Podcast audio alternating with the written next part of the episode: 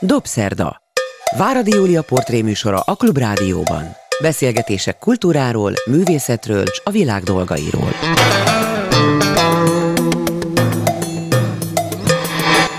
Jó estét kívánok! Ez a Dobszerda, én Váradi Júlia vagyok. Jó napot kívánok azoknak, akik vasárnap délben az ismétlésben hallgatják a műsorunkat, illetve akik podcaston, azoknak jó napot, jó estét, jó reggelt. Angelus Iván a mai vendégem, akivel valamikor nagyon régen már készült egy dobszerda, de akkor még minden más volt. Már csak azért is, mert ahogy én így elnézem Angelus Ivánt, akit kb. 143 éve ismerek, állandó változások zajlanak az életében, és azon emberek egyike, nincsenek nagyon sokan ilyenek, akik hihetetlen képességgel rendelkeznek az újrakezdést illetően. Tehát azért is hívtalak most, mert úgy nézett ki egy ideig, hogy na most az egyszer befejezed, bezárod, lezárod, búcsút mondasz, és akkor egyszer csak örömmel hallottam, hogy á, dehogy is, újra kezded már megint. Á, dehogy is, mindenkinek jó napot, meg szervusztok, akit ismerek. Kiderült, hogy rengeteg embert ismerek, meg rengetegen ismernek, miközben azt gondoltam, hogy én egy marginált,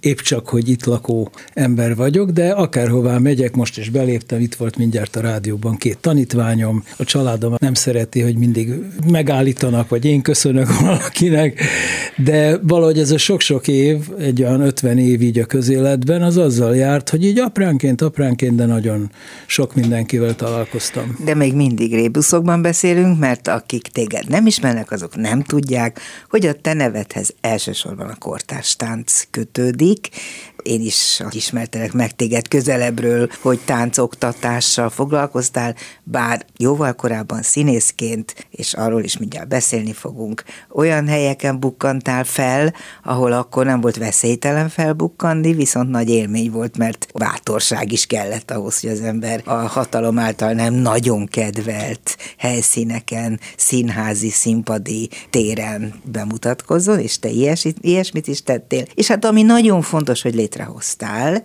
és te vagy az, aki Magyarországon létrehoztad egy táncfőiskolát, sőt, akadémia, ma már így is nevezik. Onnan kezdeném, hogy ez a kicsit misztikus homályba vesző hősies múlt, ez bizonyos fokig igaz, mert tulajdonképpen viszonylag kevés embert érintett, hogy ne állt volna be a mainstreambe, de ma is viszonylag kevés embert érint egy oldalról. Más oldalról pedig rengeteg ilyen ember van. Tehát rengeteg ilyen ember van. Most itt bementem egy étkezdébe, és elhoztam a fényképet, ki van írva, hogy a tegnap történelem, a holnap rejtély, a mai nap ajándék. Csuron filozófia egy 30 négyzetméteres kifőzde ajtaján. Bejöttem a házba, és láttam egy embernagyságú amforát a bejáratban.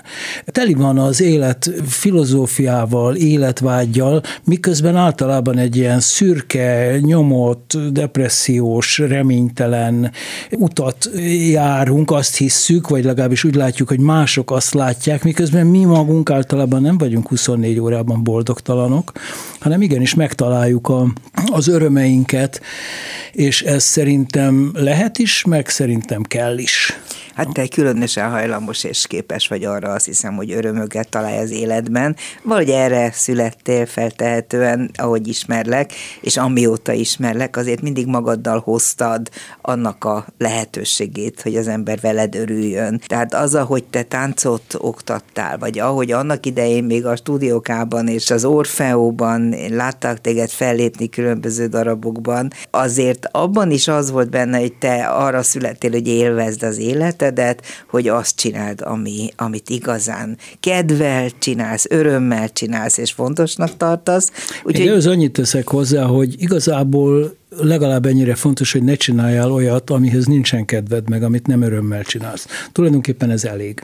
Igen, hát ez nem mindenkinek adatik meg. Bonyolult dolog ez, mert én is kicsit hajlok arra, hogy ez mindig saját döntés kérdése. Döntés kérdése. Sokan úgy látják, hogy bizonyos dolgok bele vannak kényszerítve, én meg azt hiszem, hogy a kényszernél erősebb az ember saját belső biztonságérzete és a tudata, hogy nemet mond. De ne filozofáljunk ennyit, majd későbbre talán lesz még rá módunk, hanem kezdjük el a te történetedet, illetve kezdjük a jelennel, és aztán majd visszamegyünk a múltba, ahol ahogy már a felvezetésben ez elhangzott, újra kezdő ember vagy.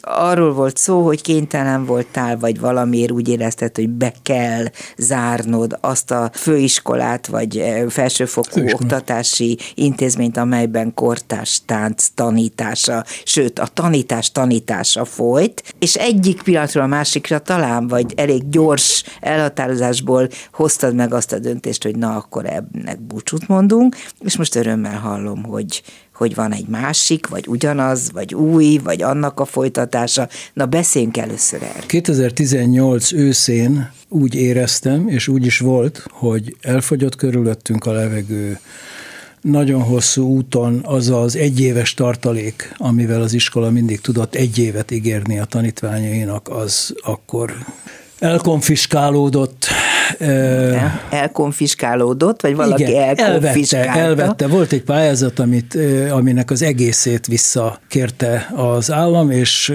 mehettünk EU-s bíróságig akár De mi az, hogy az sikerült. egészét megkaptátok a pénzt, aztán vissza kellett fizetni? Igen, szó szerint azt ez történt. Segít. Én azt gondolom erről, de ne is nagyon menjünk bele szerintem mélyebben, mert az is régen volt, azóta sokkal több támogatást kaptunk, mint amennyit elvettek, és hát ez, ez ilyen, hogy elvesz az élet ad, és akkor se omlottunk össze, csak a tartalékunk fogyott el, és akkor 2018-ra annyira elfogyott a tartalék, hogy nem láttam értelmét valami újabb újrakezdésnek, hiszen előtte már azért négy-öt évvel ezelőtt elhatároztuk, hogy tulajdonképpen emigrálunk Magyarországról olyan értelemben, hogy nem elsősorban magyar tanítványokra, hanem külföldiekre építettük. Angol nyelvű lett az iskola olyan 2012 után. Na várjál, 2004-ben indult, ha én 2004-ben. Tudom. Tehát azért elég hosszan, legalább tíz évig hát nyugalomban, szépen virágzó, virágzott, aztán elvették a normatívát, működött. aztán elvettek mindenféle támogatást, akkor ha menekülni próbáltunk más területre, Ez ott személy is szerint ellened bennünket. történt, vagy mi volt ennek ez, erre az indok? Hogy... Tudod, erre mindig azt kell mondani, hogy kérdezd meg, aki elvette. Én nem tudom, tehát én nekem soha nem indokoltak De volt semmit. elég tanítvány, meg volt nem, elég érdeklődő? Nem, nem, nem, nem erről van szó. Arról van szó, hogy a szakközépiskolánk az úgy szűnt meg, hogy egy úgynevezett szakmaszerkezeti döntés keretében csak vidéki tánciskoláknak adtak normatívát a gyerekek gyerekeknek, tehát szakközépiskolásoknak csak a Pünkösdi Egyház kapott száz kortárs tánc normatívát, ha Pünkösdi jól emlékszem. Nem akarom, nem akarom őket bántani, mert nem annyira abszurd volt. Tehát valamelyik egyház kapott, de valami giga számot, amikor nekünk 15 kellett. A klik kapott, fölhívtuk őket, adjanak már kettőt. Hát persze, hát itt áll nálunk üresen. Következő évre nem engedték meg. Tehát ezek nem olyan ö, nyilvánvaló egyszerű, hogy valami gonosz ember úgy döntött, illetve lehet, nem tudjuk, hogy ki vagy hogyan. Ez ezek a gonosz emberek mindig személytelenek, anonimek. Tehát a pozitív döntéseknek sem tudjátok, hogy ki és mi Azt volt a általában inkább lehet a pozitív döntéseknek, a,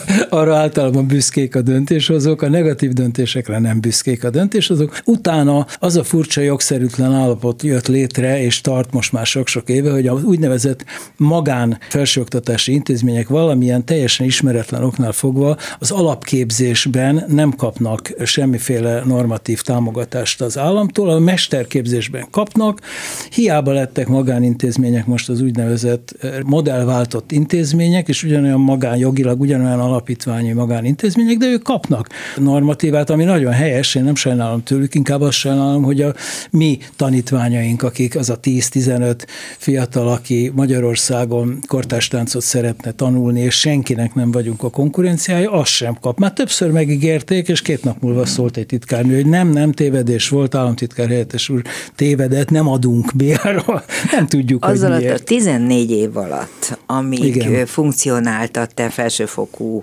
magánintézményed kortárs táncoktatással foglalkozott. Mi történt ott? Tehát mi, mi képzeljünk el, hogy ott mi zajlott? Ez, ez milyen hely volt? Hát először is fontos, hogy hely. Tehát én azt tanultam a szüleimtől, az Orfeótól, a stúdiókától, a Csanádi utca és kreatív mozgás stúdiótól és mindentől, hogy ahhoz, hogy valamit csináljunk, az kell egy hely.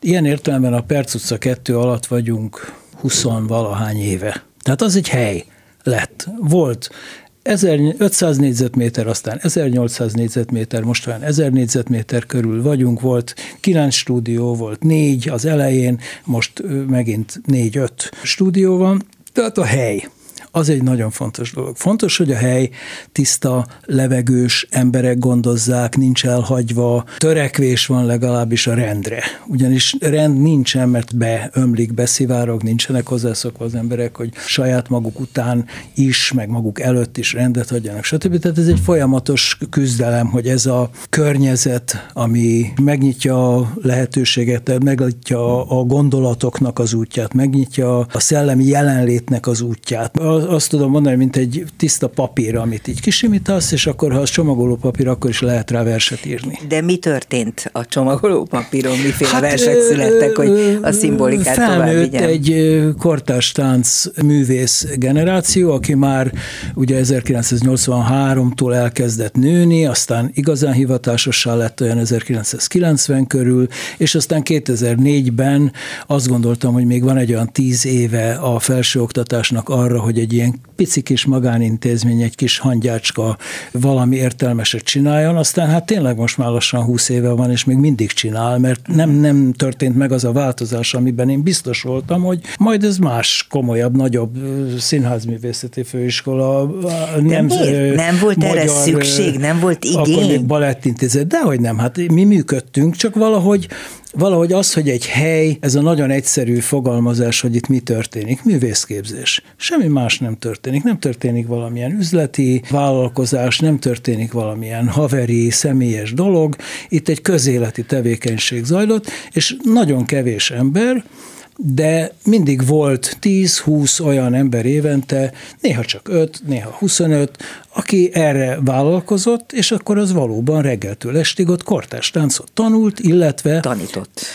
és tanított. Hát aztán egy idő után ők tanítottak, és az nagyon fontos, hogy ennek az időnek, amit a teremben tanulással töltöttek a tanítványaink, annak legalább a fele nem tanárral történt, hanem önállóan. Tehát amit, a, amit az órákon tanultak, azt gyakorolták, amit megtanultak, azt rögtön felhasználták, kreatív módon felhasználták, évente 5-6 produkciót hoztak létre ők maguk, amit az elején megbeszéltük, közben megnéztük, a végén megnéztük, de a saját önállóságukat bontakoztattak ki, és ezáltal lehetett az a helyzet, hogy valóban fölnőtt egy olyan kortárs tánc generáció, amelynek túlnyomó része tőlünk került ki. Akkor megengedett, hogy idézzek egy olyan dokumentumból, amelyben rögzítettétek a hozzátok beadott, gondolom, kötelező szakdolgozatokat, és azoknak a tartalmát. Én egy-kettőt ezek közül kigyűjtöttem, mert annyira érdekesnek ítéltem a témát, hogy azt gondoltam, hogy ha ezekről beszélünk, akkor mindjárt értjük is, hogy mi zajlott ott, vagy zajlik, talán akkor folytatólagosan most is beszélünk arról, hogy kiegészítettétek a cirkuszművészettel, de ez akkor még nem volt. Tehát, hogy mi történik ott ebben az iskolában. Itt van például egy ilyen téma, amit ráadásul az a Cuhorka Emese írt, mhm. és azt hiszem oktatott is, akit láthattunk Fahidi Évával, a 90 fölötti túlélővel táncolni. Ő előadó művész nem nagyon tanít. Nem, arról írt egy szakdolgozatot, hogy a test, mint a kíváncsiság anyaga, amatőröknek tartott kortárs tánc óráim tapasztalatai. Igen, akkor tanított valóban. És ez már egy EMA dolgozat volt? Volt? Igen, ez Vagy BA, BA dolog. Lehet, hogy BA volt, Igen. én ezt most nem tudom, de a lényeg a témám, vagy a tárgyom Igen. van, hogy ezek szerint egyrészt jó nevű táncosok olyasmivel foglalkoztak, tudományosan is, filozófiai megközelítésből is, amire mondjuk az ember laikusként nem gondolná, hogy ez Igen. hozzátartozik a táncművészethez. Az is ez a lényeg. Akkor még nem adtunk ennek ilyen szép neveket, mint ma, majd azt is elmondom, de akkor is láttuk, hogy a napi gyakorlat, tehát a legszűkebb értelemben vett testképzés, vagy szakmai, tehát a tánc nyelvi anyagának a képzése, illetve a kreativitás, illetve ennek az egész egységnek, amit az ember teste, szakmai tudása, gondolkodása, szemlélete jelent, ennek van egy olyan egysége, aminek, ahogy mondott, filozófiai vonatkozásai vannak. De ez nem azt jelenti, hogy ő külön táncos meg filozófus, és ebből tanultuk meg azt, ami ma már hétköznapi tény, hogy nagyon kevés tantárgy van a jelenlegi főiskolán, amelyik azért egy elég jelentős reformon ment át, nem pusztán a cirkuszművészettel való bővülés miatt, hanem újraírtuk a szabályzatainkat, tehát tulajdonképpen leírtuk azt, amit csinálunk. Uh-huh. És abban egy nagyon fontos tény, hogy a fő tantárgyat azt úgy hívják, hogy integrált gyakorlat és elmélet. Főleg, vagy szinte kizárólag, persze ezt tanulnunk kell, hogy ez igaz legyen, amit mondok, úgy próbáljuk tanítani a, a mozdulatokat, a gyakorlatot, hogy annak az összes anatómiai, fizikai, kultúrtörténeti vonatkozásai jelen vannak abban a pillanatban, és ha elméletet tanítunk netán, vagy arról az oldalról közelítjük meg, akkor pedig mindig a gyakorlat felül. Tehát, hogyha egy táncosról tanulunk, akkor megpróbáljuk reprodukálni az ő koreográfiáját, vagy az ő stílusában készíteni valamilyen táncot. Tehát, hogy a gyakorlat és az elmélet ne szakadjon el, mert az energiának körülbelül 50%-a arra veszne el, és vész el általában, és hiába, mert nem sikerül végül, hogy ezt a kettőt az ember összerakja. Tehát tudjuk, hogy csak az élményszerű tapasztalat a hmm. tudásanyagból. Csak Igen, az, ami csak fejben nem számít, lehet táncolni. Csak fejben sem lehet táncolni, és csak testtel sem Igen. lehet. Az az, ami kívül esik hmm. a táncnak a fogalmán. Tehát a fogalmiság azt lehet, hogy van valami olyan tudományos, filozófikus szint, de egyébként nem hiszem, és az, hogy mi az, hogy csak test, azt uh-huh. meg mhm. megint csak hagyjuk most. De akkor még közelebb megyek ehhez, kigyűjtöttem Varga Viktóriának hm. volt egy ilyen Igen. tanulmánya, hogy a szorongás és kreativitás viszonya Igen. a táncórán. Igen. Erről mondasz egy Igen. kicsit hogy többet, nem. hogy, hogy nem. tényleg Viki, feloldható tánccal a szorongás? Mert ez jutott eszembe erről. Csak szorongás nélkül lehet táncolni, mondhatnánk így is, vagy siker sikeresen, vagy értelmesen, tehát hogy, hogy akkor válik a táncá, amikor ezen a szorongáson túljutunk, és hát ez egy, hogy mondjam, mindannyian szorongunk, és hogyha nem szoronganánk, akkor nagyon rosszul tennénk, mert minden okunk megvan a szorongásra. Na de a, a tánc feloldja a szorongásunkat? Vagy fel Azért tudja oldani adott esetben? Attól szorongunk, hogy érezzük, hogy a személyünknek, a testünknek az integritásába valami, a, valami bele türemkedik, vagy valami kiszív belőle valami energiát. Tehát, hogy nem érezzük konzisztensnek, egyben levőnek magunkat. A tánc az annak a csodálatos gyakorlata, hogy az ember egy egységben legyen benne. A, a testemet kitölti a személyiségem, és a személyiségemet kitölti a testem. Természetes, magától értetődő, hogy ez a kettő nem válik külön, de az életben, hétköznapokban állandóan kint kell hagynunk a testünket, le kell fogynunk, meg kell híznunk, be kell illatosítanunk, stb. stb. Tehát nem vállalhatjuk azt a testet, ami vagyunk. Másodarról meg a gondolatainkat kell kívül hagyni. És azt, hogy ezt a kettőt egyszerre lehet megélni, ezt valószínűleg nagyon sok ember tudja, tehát lehet, hogy egy rézműves, vagy egy kőműves, vagy egy, vagy egy nem tudom kicsoda, bárki megteremtheti ezt az életében, de mondjuk a tánc az csak erre való. Tehát uh-huh. semmi másra nem jó. Na de ha erre való, és ezt meg tudja tenni, meg teljesíteni tudja, tudja, az egy óriási dolog. Persze, hogy meg tudja tenni. Hát ennek az iskolája a kortárs tánc, mert az összes tánc stílusban vagy a hagyománynak a újraélesztése, őrzése jelen van, vagy pedig van valamilyen más cél, egy kapcsolatteremtési cél az esküvőn, vagy a szórakozó helyen, egy versenycél, egy kommersz cél. Itt a kortárs táncban megint csak azt tudom mondani, hogy nem az a jó, hogy van valami nagy cél, hanem hogy nincsenek mindezek a célok, és ezen túl semmi nincsen, az van, ami van. Mm. A, a, a mozgás meg az, hogy nem csinálsz semmi mást, és a mozgásban még annyit, hogy, hogy nem egyedül mozogsz. Azért az egy eléggé fontos dolog. Tehát rengeteg olyan joga, meditáció, remetesség van, amiben sok mindent lehet csinálni, de a táncban az a jó, hogy ezen egy picit Hogyha másokkal megy. együtt De ugyanazért, mint a remete, csak lenni. hát ezért közösség. Mi az a hajdau? A hajdau az egy férfi tánc, egy erdélyi férfi tánc, amelyet a mi Farkas Zoltán batyunk, aki elfogulatlan azzal kapcsolatban, hogy, hogy egy adott táncot férfiak táncoltak 200 évvel ezelőtt a mezőn vagy a faluban ünnepkor, és ha körbeállnak, azt is megtanítja mindenkinek, mert az egy nyelvi egység, és hogyha egyedül táncolnak, azt is megtanítja. Na most ez egy férfi táncolt, viszont nagyon népszerű volt mindig mi nálunk, és Batyú hiába mondták néhány, hogy azért furcsa, hogy nők férfi táncot tanulnak, hát ez akkor még nem egész más akusztikája volt 10-20 éve, de, de tanulnak természetesen, és ez egy ugrós tánc, és akkor Aha. ebből az ugrós de ez táncból... milyen vidékről érkező Én azt hiszem, hiszem, hogy ez egy erdei, de nem tudom én pontosan megmondani. Batyú biztosan meg tudná mondani, tudja, hogy melyik falu meg ilyesmi. Én azt tudom, hogy ő ezt a tantárgyat nem néptáncnak hívja, hanem közép-európai népek táncainak mozgás és ritmus világa. Hó, Ezt fölírtuk neki egy székre annak idején, az volt az ő tanszéke, és ez fontos, mert nem valamilyen népi dologról beszélünk, hanem egy kultúráról, amiben a, a, a magyar, a román, a moldvai, a felvidéki, a, a cigány és a zsidó, azok teljesen jelen vannak, ugyanúgy, mint a népzenében is, amit népzenének hívunk, vagy. És ebben én azt mondanám, hogy tulajdonképpen a muzsikás, zenében a muzsikás csak az, aki ebben példamutató, és nem véletlenül találtak aztán egy életkorszakban a batyú és a muzsikás és a muzsikás a batyura, mert ebben a logikában ők nagyon közel, közeli módon gondolkoznak, egy kultúráról beszélnek, egy kultúra egészéről, és így nekem ők is nagyon példamutatóak és fontosak. Még akkor is, hogyha a muzsikás egy picit más oldalról közelíti meg, de alapvetően elfogadják, hogy itt ez van. Ebben nem kell magamat berakni az egyik kicsi kis szekrénybe, és akkor mások vagy bezárnak engem, vagy ki akarnak onnan szedni, hanem én itt nagyon jól vagyok, megvan egy kis halmazom, amiben csak én tartozom, egy kicsit nagyobb, amiben van egy körülöttem levő kultúra, és van egy nagyobb halmazom.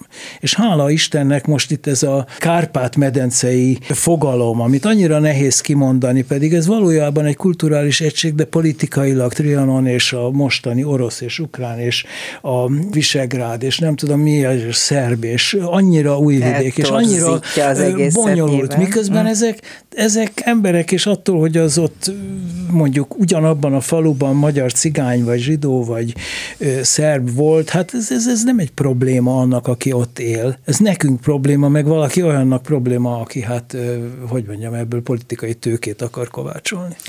És akkor erre reagálva mindjárt megkérdezem tőled, hogy az a Pelles Nikolett által írt dolgozat, amely a női táncosokra nehezedő Igen. testalkati elvárásokról szól. Korán, Ez egy fájdalmasnak nagyon, hangzó Nagyon korán érzékenyen észrevették ők, még mielőtt ez a ma már eléggé trendi és divatos, hát esélyegyenlőségi és férfinő esélyegyenlőségi és szexuális orientációs esélyegyenlőség, stb. stb. jelen volt. Erre érzékeny volt, és miközben nem integrálódott a hivatásos táncvilágba később, mert azért itt mindig az a fontos, hogy 10-15 év múlva mi lesz ebből.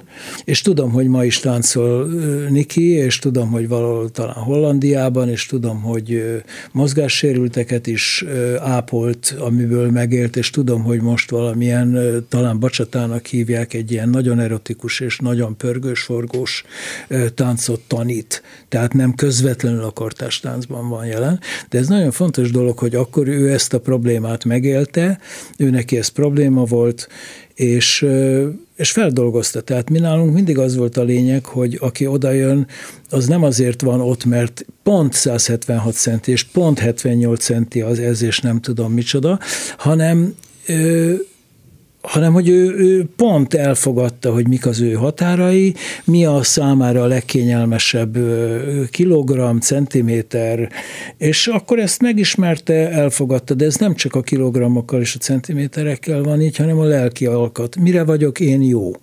Miben vagyok én jó?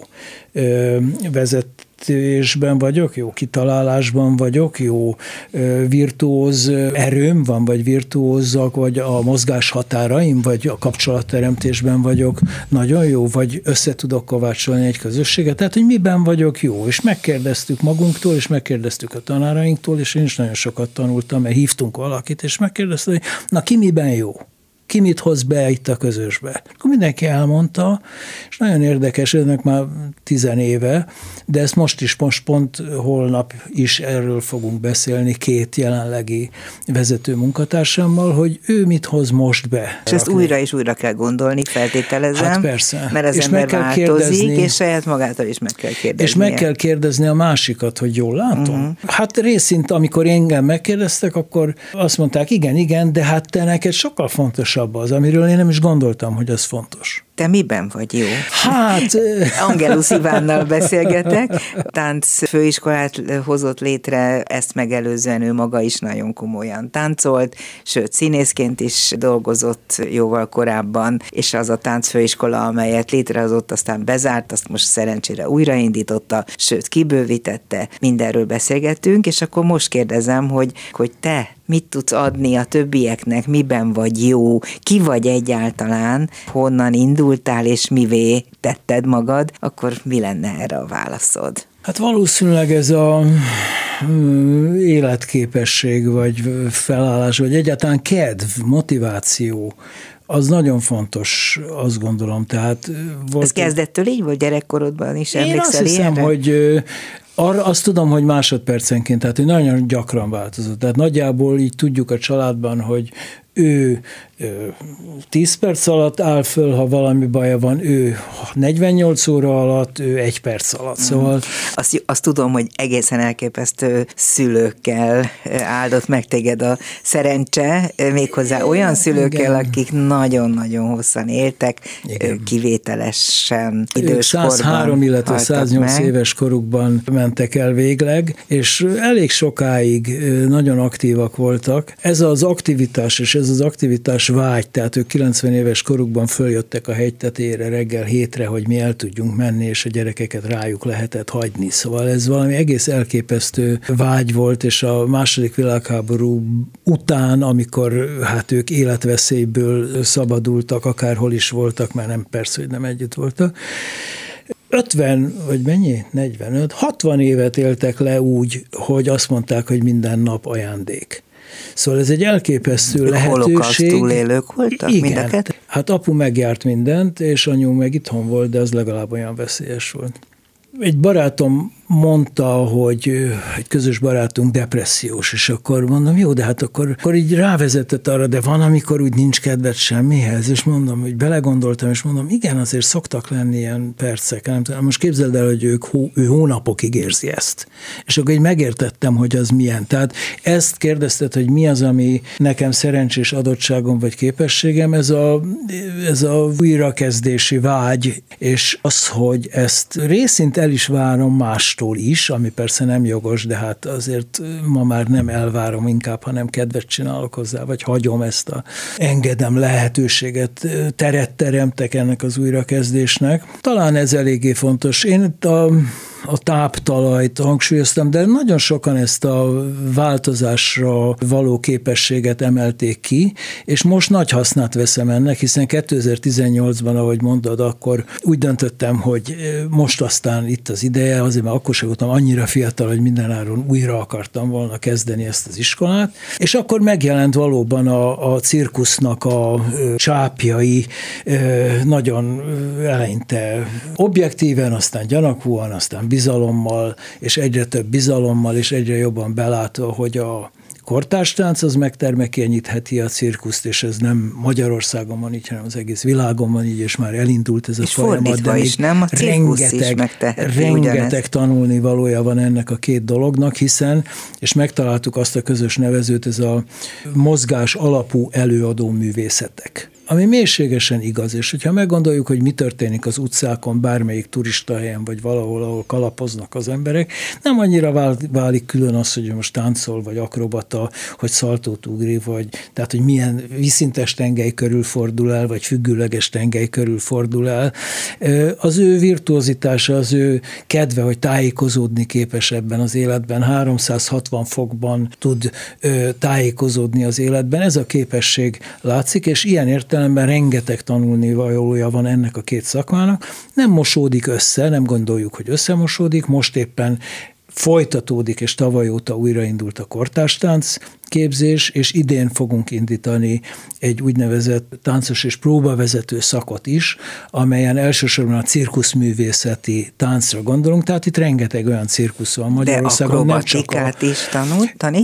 Tehát van ez a cirkuszi táncos, mert a fővárosi nagy cirkuszban, meg a nagy cirkuszokban, meg a magáncirkuszokban szükség van ma már táncosra, aki tulajdonképpen nem különösebben akrobata. És akkor jön, amit kérdezel, hogy igen, amikor elkezdtük ezt a dolgot fejleszteni 2019-ben, akkor körülbelül 130 olyan zsánert találtunk, amelyet manapság a cirkusz használ. Ebből hmm. mindig elmúlik öt, és bejön még hat, de hogy éppen ezért nem külön zsánerenként építettük fel a cirkuszművészeti képzésünket, hanem, hanem egy integrált gyakorlat és elmélet van, ami a cirkusz, és, és azon mindent meg belül, kell tanulni azban? Nem, nem, nem, az lehetetlen, mert aki Unterman és alul elbír öt embert fölfelé, az nem valószínű, hogy kaucsuk ember tud lenni, és a fejét a lába közé veszi, ha átra homorítva, tehát ez nem lehetséges, de Hát ennek rengeteg izgalmas kérdése van, ugye a talaj akrobatika, a függő akrobatika, a különböző ügyességi zsánerek, és akkor jönnek ilyen nehezebben, hát hogy mondjam, szakmailag nehezebben ide sorolhatóak, mint például a bohóc aki nem szükségképpen akrobatikus, aki nem szükségképpen ügyes, de bohóc. Na most sok olyan bohóc van, aki egyébként akrobatika, vagy zsonglőr, vagy valami másban is ügyes, de a bohóc kérdése ilyen a régen állat idomításnak hívják, ma már nem szabad úgy hívni, mert mindenféle politikailag és értelmesen is generált viták veszik körül az állattartásnak a kérdését, de hát hívják ezt felelős állattartásnak, fölmerül a védett állatoknak a kérdésén. Ebben nem hmm. akarok különösebben belemenni, sőt, azt szeretném hangsúlyozni, hogy az artistákat is kellene védeni, mert legalább olyan veszélyeztetett helyzetben vannak sokszor idomítva, mint az állatok. állatok. De... És, ez, és, és, és, tehát ebben a szélesebb perspektívában érdemes ezt hmm. kezelni, de ugye mi mindezzel kezdünk most foglalkozni, és apránként egyre tágulnak majd a lehetőségek a cirkusz művész képzésben résztvevők számára. Eddig a cirkuszművészek hol tanultak? Hát nagy részt ez egy családi tradíció volt. Tehát a meghatározó... Egymástól vették a át családok, a tudást, a, a családok, családok. dinasztiáról, dinasztiáról. dinasztiára. Tehát Magyarországon tehát nem van volt 5, 10, oktatás a cirkuszművészet? Egy, egy ideje van, és már azt és én most hol? nem akarom, hogy hánytól, hát nem egyetemi szintű felső. Itt a mi nekünk a nagy kihívás ez, hogy felsőoktatási szintű cirkuszművészképzés, és azért nem volt igény erre, vagy lehetőség erre korábban, mert mondom elsősorban család családi tradíció ápoló módon adták át apáról fiúra és anyáról lányra ezt a szakmát, de volt és van a Baros Imre artista képző, mm. amely most akadémia címen folytatja. A fő különbség az az, hogy az egy tradicionálisan több évtizede működő intézmény a maga hagyományaival, és ö, elsősorban a középiskolás korosztályra irányul a munkája. Mi nekünk az a hátrányunk és előnyünk, hogy egy új intézmény vagyunk a cirkuszművészet terén, és tanulhattunk tőlük, tanulhattunk az összes külföldi intézménytől. Egyébként felsőoktatási diplomát adó intézmény a világon, hát nem mondom, hogy nincsen, de kevés van. Uh-huh. Tehát ott is van keresni valónk, és ott is van keresni valónk a cirkuszművészeti képzésünkben, hogy, és ez a másik dolog, tehát nem csak egy szakmai tanulsága van a kortárs táncnak a cirkuszra nézve, hanem van egy pedagógiai tanulsága a cirkuszra nézve. Tehát amit előbb mondtam, az idomításnak a veszélye, vagy a torna edzőnek, vagy az úszó edzőnek ez a negatív mitosza, és persze nem csak ilyenek vannak, de van egy ilyen mitosz e körül, az nálunk ki van zárva. Tehát a kortárstánc azáltal, hogy az egész személyiségnek az aktivizálását tűzte ki célul, és most, amikor cirkuszművészetet tanító tanárok pedagógiája indul el most 2023, 2024 februártól, tehát keresztfél évben cirkuszművészet hmm. tanárokat oh. akarunk képezni. Hát ahogy mondtam, a tanítás tanítása is folyik ezek A szerint. tanítás tanítása az hosszabb ideje folyik. Hát most már néhány napja, vagy egy napja tudom, hogy annak valóban én leszek a felelőse még egy ideig, tehát amennyire én 2023. június 14-ével a rektori feladatot leadom, leteszem a, korodra való tekintettel, vagy Hogyan? a korodra való Hát nézd, jogosultságilag tulajdonképpen igen, de azt hiszem már egy pár éve nem lennék jogosult. Ennek ellenére aláírták, mert olyan volt a helyzet, hogy... Mert nincs más. Hát nincs más, az én székemet soha senki nem tépte ki alól. Te egy magányos hős vagy azért ebben a szakmában, hát, ha úgy ez így nem igaz, mert hős semmiképpen nem, és még magányos sem, mert azért az utóbbi években, amikor arra, amikor már nagyon elhatároztam, hogy most már aztán tényleg abba hagyom azt, hogy én napi 24 órában tényleg a csöpögő csaptól, a tanár lelkéig és a finanszírozástól a művészek szakmai vezetéséig, vagy támogatásáig inkább hívjuk így, mindenért felelős vagyok. Ezt én már régen le akarom adni, és az, hogy most a főiskolának az új struktúrájában ö, majd az új vezetők, amelyik még alakult, tehát erről nem tudok konkrétat mondani, de már alakul, és már hogy mondjam, olyan állapotban van, hogy ez a kontinuitás ez meglegyen. Ebben azt már tudom, hogy például a pedagógus képzésben lesz munkám, a kreativitás fejlesztésben lesz munkám, az egyéni tanrendű hallgatók támogatásában lesz munkám, de ez az újrakezdéshez az is hozzátartozik, hogy tudom, hogy minél később kezdek újra több dolgot, annál nehezebb újra kezdeni. Tehát ez a színész, illetve táncos előadó művészeti dolog, ez, ezt nem kell újra kezdeni, azért ez 50 éve van, és nagyon remélem, hogy megint el fognak hívni olyan filmbe, amiben szívesen veszek részt. Vagy... Mert szerepeltél te már egy-két hát filmben, elég nem is, sok, nem is akár milyenekben, igen, de még egy pillanatra igen. maradjunk ennél az iskolánál, és aztán igen. átlépünk egy másik régióba. Lépjünk. Azt látom és olvasom, hogy találtatok valami csodálatos helyet. Egy van volt egy csodálatos épület, hely, ugye? több éve megvan a hely, és több éve gyűjtögetjük a pénzt, és nagyon remélem, hogy most már akár 2024-re sikerül legalább egy nagy részét megnyitni. Ez Pesterzsébeten van, ahol egy volt öntöde épületet tudtunk megvenni, és a felújításához pályázunk és gyűjtjük a pénzt, és nem teljesen reménytelen, és bár eddig nem sikerült csak az állagmegóvást végezni, de most már erre van lehetőség, és ez azért nagyon fontos, mert a táncot az tulajdonképpen egy három méter belmagasságú helyen lehet csinálni, és nagyon sok olyan cirkuszi a, szakma azért, van. Azért, hogy elég légtér legyen, a levegő hát, Nem, mennyiség. az a kevés a három méter. Az, a, az az alacsony. Az Aha. a nagyon alacsony a három méter. Tehát a mi tánc világunkban, hát nem, hát annyira föl tudom emelni a másikat, annyira, tehát a, ja. meg a levegő miatt is kell annyi, mm. de a cirkuszi szakmák, zsánerek közül viszonylag kevés van, ami ilyen általános helységekben mm. oktatható, és a ugye a fővárosi nagycirkusznak az arénája az 13 méter magas. Uh-huh. Most vannak olyan számok, amiket csak ilyen magas helyiségben hát lehet akkor gyakorolni. kölcsön kell kérni azt a helyet, vagy át Nem kell, kell kölcsön kérni.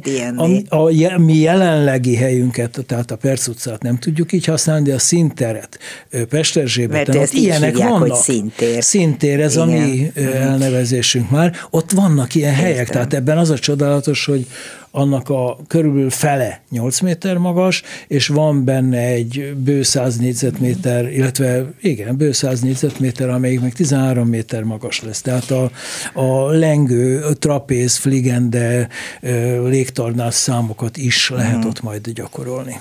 Mielőtt áttérnék arra, amire már az előbb is utaltam a te sokszínűségedre, azért azt picit arról az időszakról, amikor én megismertek téged az Orfeo együttesben való részvételed idején, az egyáltalán hogy jött, mi volt, mert azt gondolom, hogy a hallgatóink egy jelentős része talán nem is tudja, hogy, hogy mi, mit köszönhetünk annak, hogy létezett. Annak idején néhány bátor ember ötlete alapján és megvalósítás alapításából egy ilyes, csodálatos mostanában dolog. ezen, mert ö, fölmerült az, hogy azok az emberek, akik 1970 körül, 68 ö, csalódása és, és ö, inspirációja után francia 68-as forradalom, a csebevonulás, stb. után mégis keresték a kilépését ebből a nagyon-nagyon reménytelen diktatórikus állapotból, amiben akkor is létezett ez az ország, és amiben sokan ma is így érzik, és talán az a nagy különbség, hogy el lehet menni. Ami nagy különbség, na de hát aki történetesen itt akar maradni, annak nem nagy különbség. Tehát ez a folytogató levegő, ez jelen volt, és voltak emberek, akik akkor is azt mondták, hogy de hát hát ezt nem kell tűrni így, és voltak olyan emberek, akik azt mondták, hogy az ő művészetük az olyan, hogy megcsinálják, és akkor azt vagy megnézik, vagy nem. Képzőművészek voltak, és ki akartak menni ebből, és azt mondták, hogy bábművészet, az egy olyan képzőművészet, vagy az árnyjáték, ami síkban van, de ki lehet vinni, oda lehet vinni az emberekhez, párbeszédvel lehet velük elegyedni. És ez volt itt a fontos, és aztán hát én nekem az a gyermekkorom és a tanuló korom volt, 71-től 79-ig voltam leginkább Fodor Tamás vezetésével az Orfeó, majd később Stúdió K színházban, amibe csak azért nem akarok nagyon hosszan belemenni, mert Sándor El Istvánnak van egy csodálatos könyve, amelyik Fodor Tamásnak a munkásságát Igen. dolgozza föl, és 500 oldalon de most még nem nincs is befejezve. ezt a munkát, úgyhogy hát, ha a te visszaemlékezéseid itt megjelennek, azzal még nem okozunk baj. Ez a korszak, ez meghatározó volt, mert amit én táncban utána csináltam, az soha egy pillanat nem volt más, mint amit a színészi munkában csináltam. Én a, máig ugye kérdezted, hogy mi vagyok én, és én azt mondom, hogy színházi ember vagyok, tehát 40 Mit év... végeztél?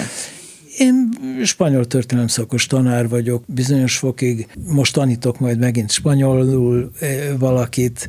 Tanítottam egy pár évig történelmet a szakközé, saját szakközépiskolánkban, de leginkább előadó művészet kapcsán tanítottam kapcsolatteremtést, és ilyen értelemben a, a nyelvi kapcsolatteremtés, vagy a mozgásos kapcsolatteremtés, vagy mindig mondta, hogy a kutyaiskolában tovább sokat tanultam, mert az nem kutyaiskola, hanem kutyás iskola, és a kapcsolatteremtést tanítják. És ilyen értelemben bármivel foglalkoztam, igazából ez érdekelt, és azért érdekelt, mert ez nem csak nekem, hanem mindenkinek nehéz és kihívás, és az, hogy ebben minél magasabb szintre jussunk, minél jobban megértsük egymást, ez alapja a intim és személyes életünknek, alapja a magánéletünknek, és alapja a közéletünknek. De még visszatérve arra, hogy színészet, Igen. ahhoz vagyunk szokva, ugye, hogy a színészetet is tanulni kell, te honnan tudtad, hogy hogy kell színésznek lenni? Én nem tudtam, hogy kell színésznek lenni, én is akartam színész lenni, már úgyhogy nem, szóval nem, nem, nem, nem akartam, hanem nem akartam engem, ez nem. És hogy azt mondták, hogy mennyi, Hát azt mondták, hogy ott kellene, kell a, csinálják az etuált, és abba be kellenek emberek, és hogy én is menjek. Az Etoile, ami Spanyolországban játszódik részben, részben Franciaországban, tehát a spanyol polgárháború idején. És hát a baloldali ifjúsági mozgalmakról is szól. Ez egy fontos dolog volt, igen. És akkor mentem, és ezt ott ragadtam nyolc évre, és aztán mondták, hogy most már nem kell lesz. És akkor mondtam, hogy jó. Hát, De hát ők se nem kellettek, mert az egész szét is Nem esett. ment szét, nem, nem, nem, nem. Akkor 79-ben, miután a Wojciech című tényleg Magyarországon is és külföldön is nagy hatású színházi előadásunkat befejeztük tulajdonképpen, aminek azért volt nagy hatású, mert nem fixékeken ülő nézők nézték a színpadi eseményt, hanem gyökeresen és sikeresen átalakította ezt a rendszert, ott voltunk egy teremben, mindenki állt, jött, ment, a színészek, a nézők körülvették a, az eseményeket, és máig emberek találkoznak, és azt mondják, igen, azt láttuk, és emlékezünk rá. Tehát ez egy fontos dolog volt, de én abban egy nem önkéntelen bábú, hanem egy, egy, egy résztvevő, egy, egy hasznos, mozgatott ember volt. Nem, igen, de nem ezt a mozgatottságot, mert nem kívülről, mm. hanem én önálló voltam, de hát nem az én kezdeményezésem volt. Az én kezdeményezéseim 70 79-től kezdődtek, és most 2000 mi van most, 23-ig, ezek elsősorban a kortástánc és a kortárs táncos képzés és a pedagógus képzés voltak. De most, amikor van a tánc.org.hu, ahol az iskoláról lehet tudni, Igen. és van az angelusivan.com. Na most az angelusivan.com. Az angelusivan.com-ra fogunk térni, mert ugyebár azt mondod magadról, hogy rólad a kortárs táncon kívül azt is lehet mondani, hogy kép, hogy videó, hogy próza, vers, eszé, hogy fordítás, hogy naplóírás, és hát alkotókert, ahol nagyon sokan kapcsolódnak hozzád, ahogy ezt észleltem, valahol kint a zöldben, a természet kellős közepén, kis russzói hatásokkal.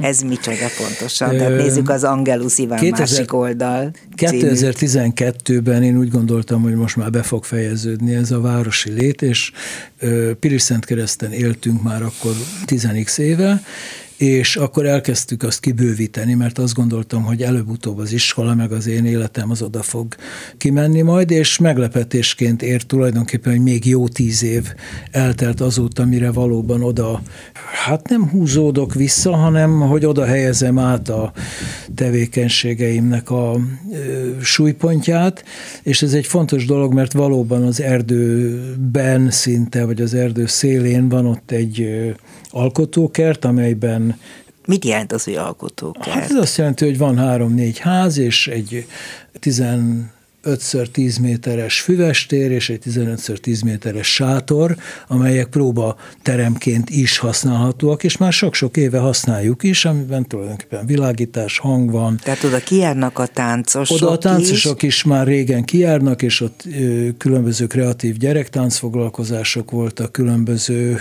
ö, a főiskolának voltak az ilyen év kezdő, augusztus végi táborozásai, és volt ott már próba munka, írtak drámát, hoztak létre zenét, képzőművészeti foglalkozások voltak, és nekem rengeteg tervem van ezzel kapcsolatban, melyek Hát még nagyon indulóban vannak, és azért vannak ilyen nagyon óvatosan indulóban, mert én nem szeretnék ebből egy ilyen, hát hogy mondjam, semmiképpen sem bizniszorientált tevékenységet csinálni, és nekem nagyon fontos az, ami a honlapomnak az elején van, amit én magam is keresek még, oda van írva, hogy egy magánszemély közügyei.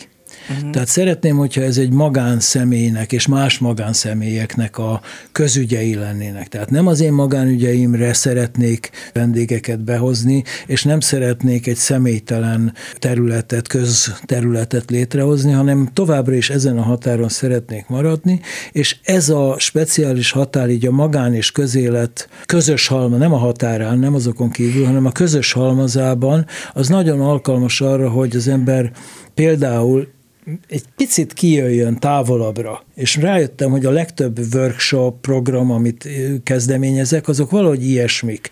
Tehát eljövök, és azt mondom, hogy hát bízd rám a problémádat, és akkor két nap múlva fogunk erre válaszolni neked. Vagy azt mondom, hogy gyere ki, ott van egy ilyen ikozaider, ami egy csodálatos ilyen embernagyságú, olyan, mint egy mászóka, egy ilyen igen, szoborszerű téridom, és ott azt felruházva fogalmakkal, gondolatokkal, szavakkal, amik szerintünk ahhoz a problémához tartoznak, gondolkozzunk el, modelláljuk a élethelyzetünket. Mm. Vagy azt mondom, hogy legyél egyedül, maradjál egyedül, tedd le a telefonodat, böjtöljél, légy szíves, ne beszéljél egy hétig, és rengeteg ember van, aki ilyeneket csinál, hatalmas úttörő táborokban, faházakban laknak 50-100 ember. De Mert erre nem tudom vágynak, így hogy elmeneküljenek Igen. saját maguk előtt. Igen, de van hogy... olyan, aki elmegy Tibetbe ugyanezért sok százezer forintért, és itt egy hét alatt tulajdonképpen ez sokkal intenzívebben, négy-öt-hat emberrel meg lehet csinálni, és én nekem ebben igazából csak annyi a szerepem, hogy aki mondjuk fél attól, hogy egy hétig nem eszik,